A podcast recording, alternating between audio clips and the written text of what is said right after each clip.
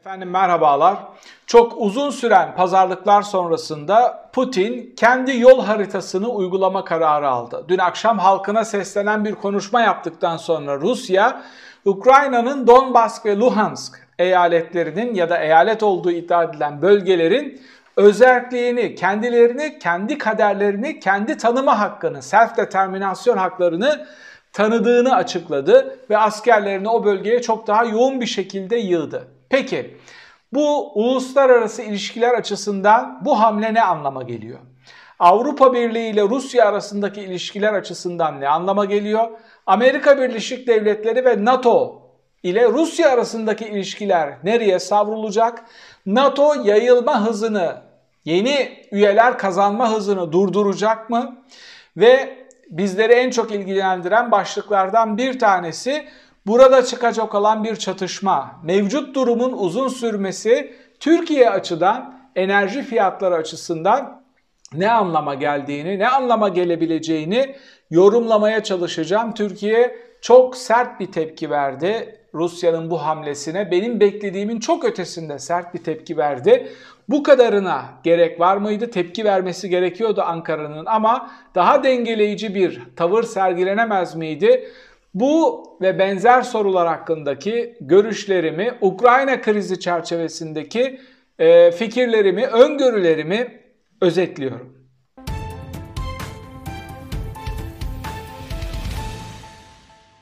İkinci Dünya Savaşı sonrası uluslararası ilişkilerin üzerine oturduğu bazı temeller vardı ve bu temeller Soğuk Savaş sonrası daha da güçlenmeye başladı. Yani aslında uluslararası ilişkiler ve uluslararası sistem çok fazla küçük mikro mikro devletçikler istemiyor. Daha çok tercih edilen mevcut devletlerin demokratikleşmesi, özgürleşmesi ve içinde yaşayan azınlıkların, küçük grupların, linguistik olarak kendilerini farklı hisseden grupların özgürlüklerin tam anlamıyla yaşaması ama daha fazla bölünülmemesi. Daha fazla bölünmek demek daha fazla bölgedeki çok güçlü imparatorluk geçmişi olan ülkelerin onları tek tek kontrolü altına alması demek ya da birbirleriyle çatışması demek ya da küresel sistem içindeki terörün daha hızlı bir şekilde artması demek. Zira güvenlik bütçeleri çok küçük olan küçücük devletlerin uluslararası güvenlik zinciri içinde çok güçlü roller oynaması imkansıza yakın. Zaten çoğu zaman bunu gördük. Orta Doğu'da kendine devlet diyen devletlerin IŞİD'e karşı savaş kazanamadığını gördük. Amerika son anda atlayıp işte son ana kadar bekleyip bakın bana ne kadar muhtaçsınız kartını da gösterebilmek için orada bile IŞİD'e karşı bile e, bölge savaşları yani cephe savaşlarını bırakın terör eylemlerini cephe savaşlarını kazanamadıklarını gördük. Onun için uluslararası sistemin bir numaralı tercihi güçlü, uluslararası sistem içinde rol oynayabilecek, sürekli bölünmeyen devletleri koruyabilmek. Yani bu self determinasyon, kendi kaderini kendin tayin edebilme hakkı dediğimiz şey çok önemli şartlar altında vuku bulabilecek şeyler. Yani sana karşı toplu katliamlar yapılır, yaşam hakkı verilmez, hiçbir oradan çıkış şansın yoktur. O zaman küresel sistem seni destekliyor. Mesela işte Sırplar Balkanlardaki devletlere karşı hamle yapıp zulmetmeye başlayınca uluslararası sistem Bosna'da gecikmeli, Kosova'da çok seri bir şekilde oraya atladı ve onların self determinasyon haklarını tanıdılar. Bunun radikal bir şekilde vuku bulmuş olması gerekiyor. Bir kere bu açıdan baktığımızda Ukrayna'ya yapılan saldırı çok e, bu çerçevede öngörülebilir, izah edilebilir bir şey değil. Putin'in yaptığı hamle 2. Dünya Savaşı sonrası dünya güvenliğini, küresel güvenliği en ciddi bir şekilde tehdit eden hamlelerden bir tanesi olarak okuyabiliriz. Daha önce ne olmuştu? Terörist saldırılar olmuştu. 11 Eylül vuku bulmuştu. Tekrar küresel sistemdeki güvenlik politikaları yeniden tanımlanmaya başlanmıştı. Hayatımız zorlaşmıştı. Şimdi öyle değil. Şimdi çok güçlü bir ülke, elinde enerji kartı olan, savunma sanayi olan, işte savaş tecrübesi ve çok büyük bir ordusu olan bir ülke İkinci Dünya Savaşı'ndan sonra küresel dengeleri alt üst edebilecek bir hamle yapıyor. Yani yayılmacı bir politika izliyor. Buna gerekçe olarak neyi gösteriyor? Buna gerekçe olarak gösterdiği şey NATO'nun yayılması, NATO'nun Rusya etrafındaki ülkelere e, üyelik teklif etmesi. Bir önceki sert tepkiyi nerede vermişti Rusya? Gürcistan'da. İşte o Bükreş, Bükreş zirvesi öncesinde Gürcistan'ın tam üyeliğin konuşulacağı zirve öncesinde Rusya benzer bir şey yaptı. Gürcistan'ın Güney Ossetya bölgesindeki Ruslara Osetyalılara da Rus pasaportu dağıttı, vatandaşlık verdi onlara ki bu uluslararası hukuka göre yasaktır toplu vatandaşlık vermek ve ben kendi vatandaşlarımın hakkını korumak zorundayım diyerek Güney Osetya'yı ve Apazya'yı Gürcistan'dan de facto olarak koparttı. Uluslararası sistem tanımasa bile Gürcistan artık oralara giremiyor. Oralar tıpkı Rusya Federasyonu içinde olan oblastlar gibi, özel bölgeler gibi özel bölgeler oldular de facto. Yani NATO'nun genişleme sürecine daha önce Rusya çok sert bir tepki vermişti. Aslında burada NATO bunu görmesi gerekiyor. Evet kimse bu ülkelerin başına silah dayayarak bunları NATO'ya üye etmek istemiyor. Rusya'nın cevap vermesi gereken soru şu. Oralarda korkunç bir Rusya korkusu var. Bakın ben işte o Kafkasya ülkelerinde, e, Rusya içinde ya da Orta Asya bölgelerinde e, konferanslar vermeye gittim. Üniversitelere hatta çok prestijli konferanslar. Hamiliğini devlet başkanlarının yaptığı işte devlet başkanlarıyla aynı oturumlarda oturduğum konferanslara gittim. Siz ne konuşursanız konuşun oradaki medya mensupları, gazeteciler, canlı yayınlara çıktığım haber bültenlerine işte Kazakistan'da, Azerbaycan'da vesaire hepsinin şöyle bir şey var. Size ya, gündem ne olursa olsun, konferans başlığı ne olursa olsun Rusya korkusunu soruyorlar. Gürcistan'da şu oldu bize de olur mu?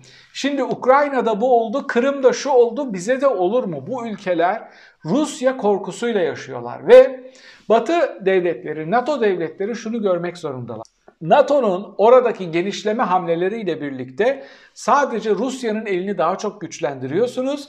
Sadece Rusya'nın yayılmacı, baskıcı politikalarına şey bulmuş, bahane bulmuş oluyorsunuz. Bahane olmuş oluyorsunuz. Gürcistan'dan itibaren Rusya NATO'nun kendi çevresi etrafındaki ülkelerdeki yayılmasına direkt mani olacağının sinyallerini vermişti ve geri adım atmayacağını söylemişti. Medvedev o zaman hatırlamıyorum ya başbakandı ya yine devlet başkanıydı biliyorsunuz Putin'le dönüşümlü yapıyorlar o görevi.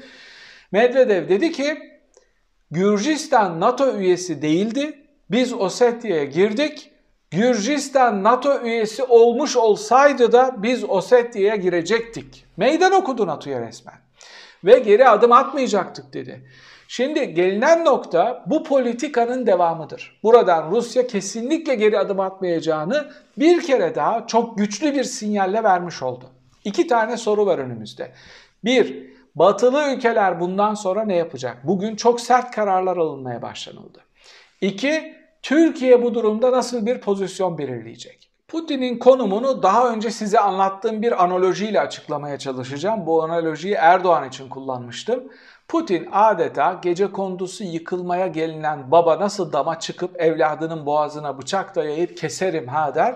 Çevresindeki küçük ve zavallı ülkeleri bu şekilde esir alıp NATO'ya diyor ki yaklaşırsan evladımı keserim. Yani sonuç olarak o Sovyetler Birliği'nin bir parçasıydılar. Yıl, senelerce birlikte yaşadılar. Evet bugün hasımlar ama yaptığı aşağı yukarı bu. NATO'nun ilerlemesine mani olmak istiyor ve bunu evladının boğazına bıçak dayayan baba gibi yapmaya çalışıyor.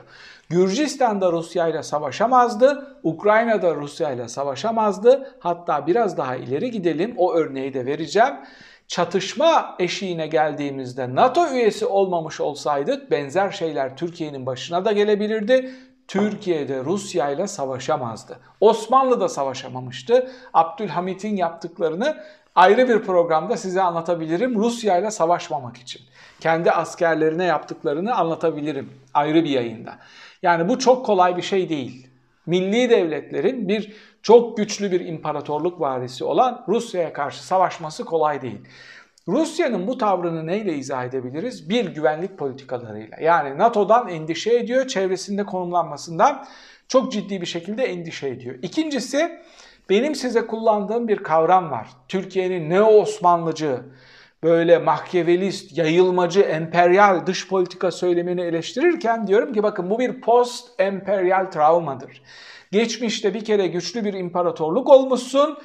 Çok aşırı milliyetçi bir eğitim sistemin var. O travmadan çıkamıyorsun. Elinde avucunda olan şeyler belli. Hala elindeki tahta kılıçlarla yayılmacı, güçlü şey oynuyorsun. İmper, e, e, imparatorlukçuluk oynuyorsun. Rusya bundan birazcık daha iyi bir konumda. Neden? Doğalgazı var. İyi kötü bir tek, kendine has bir teknoloji gele, ge, geçmişi ve geleneği var.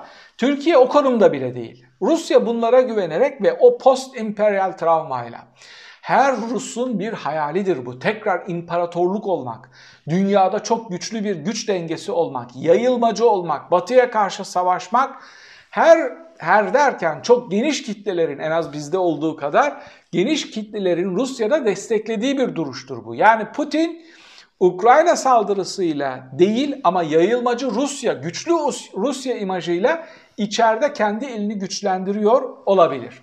Peki bunun devamında ne olacak? Batılılar ne yapabilir? Bu önemli bir soru. İkincisi burada sorgulanan bir şey var. Şimdi sizin de aklınıza geliyor. Özellikle sol sosyalist standaslı izleyicilerim de aklına geliyor. Ya NATO niye var? Bu komünizme karşı kurulmamış mıydı?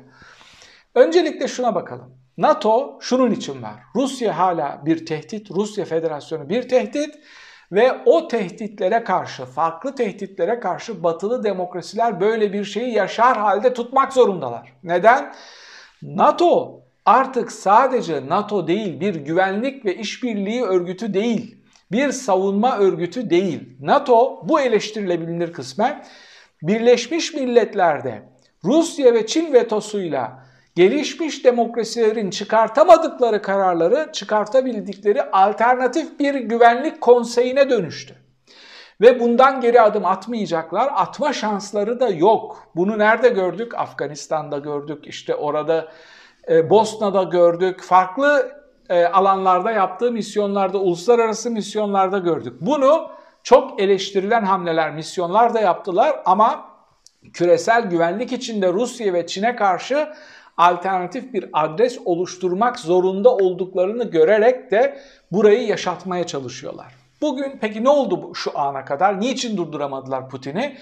Birincisi Putin enerji kartına çok güvendiği için işte birkaç ay bu kriz devam eder ama sonra dönüp dolaşıp gelecekleri yer burası olacak biz bir iki tane geri adım atarız. Onlar da zor durumdalar pandemiden dolayı her yerde enflasyon artıyor. Onlar da geri adım atacaktır hesabını yaptı ve Ukrayna'ya işte kendi uygulamaya çalıştığı politikaları uygulamaya başladı. Ee, bugün Alman şansölyesi Scholz e, tüm ajanslara acil olarak son dakika olarak geçen bir karar aldı ve Kuzey Yakım 2 projesini askıya aldığını duyurdu. Yani bu Rusya'ya vurulabilecek en ciddi ekonomik darbelerden bir tanesiydi. Ama bu darbe aynı zamanda Alman ekonomisine vurulmuş bir darbe. Zaten enerji fiyatları uçuşa geçmiş durumda. Almanya gibi üreten, enerji tüketen ve en güvenli ucuz enerji temin edebileceği yere büyük planlar, yatırımlar yapmış ve bu projeyi bir hamlede askıya aldığını açıkladı. Biden da ekonomik hamleler yapacak şimdi. Amerika Birleşik Devletleri de ekonomik bir izolasyon yapacak Rusya'ya karşı. Hepsinden kötüsü zaten Çin'e karşı cephe açmışlardı. Şimdi ister istemez ekonomik bir cepheyi de Rusya'ya açmak zorunda kalacaklar. Buradan bir 3. Dünya Savaşı çıkar mı? Buradan bir 2. Dünya Savaşı çıkardı. 3. Dünya Savaşı çıkmayacak. Ne demek istiyorum? 2. Dünya Savaşı vuku bulmamış olsaydı, o kadar acı bir tecrübeyle yüzleşmemiş olsaydık buradan bir dünya savaşı çıkabilirdi. Ama işte büyük devletler o acı tecrübeden o kadar büyük bir dersler çıkarttılar ki sonuna kadar diplomasi ötesi işte ambargalar olsun, yaptırımlar olsun Rusya'ya karşı yollarına devam edeceğiz. Devam edecekler ama geri adım atılmayacaktır ve 3. Dünya Savaşı çıkmayacaktır. Bu tabloya baktığımız zaman Türkiye açısından şunu söyleyebilirim. Türkiye'deki İslamcılar ve sol sosyalistleri kardeş yapan bir NATO karşıtlığı vardır. Ben bunu anlamakta güçlük çekiyorum. Yani Türkiye gibi güvenlik altyapısı çok zayıf olan, savunma sanayisi çok çok zayıf olan, bakmayın AKP'nin bayrak balonlarla şişirip trollerle anlattığı şeye. Attığın kurşunu bile, attığın kurşunu bile satın almak zorunda olduğun bir yapı var. Ve NATO'da olduğun için güvenlik politikalarını, güvenlik giderlerini düşürebildiğin, diğer ülkelerle koordinasyonlu bir şekilde batılı standartlarda bir güvenlik politikası ve ordusu tesis edebildiğin bir şey var karşında, bir adres var karşında. Türkiye iyi ki NATO'ya üye. Türkiye NATO'ya üye olmasaydı Rusya'nın uçağını düşürdüğünüzde başınıza neler gelebileceğini, o Ukrayna'ya yapılan saldırının en az bir katının Türkiye'ye karşı vuku bile, bileceğini, Türkiye'yi farklı örgütlerle, farklı gruplarla yıpratabileceğini, çevresindeki ülkelerle kıskaça alabileceğini göz ardı ediyor herkes.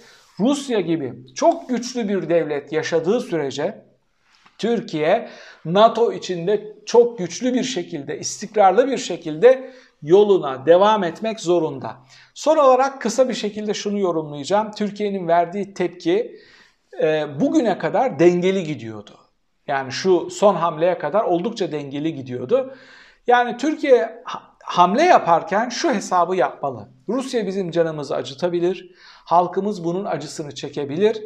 Tepki verirken daha dikkatli bir şekilde gidilmesi gerekiyor. Ben buna inanıyorum. Sert tepki verilmesi gerekiyor. Ukrayna'nın oradaki toprak bütünlüğünün savunulması gerekiyor. Bunlarda hemfikirim ama Rusya'nın şimşeklerini Türkiye üstüne çekecek kadar ileri gidilmemesi gerekiyor. Sonuç olarak buradaki kararlar zaten NATO çerçevesinde alınan kararlar Türkiye'de o çerçeve içinde şimşekleri üstüne daha fazla çekmeden yoluna devam etmeli. Bir de şunu eleştireceğim.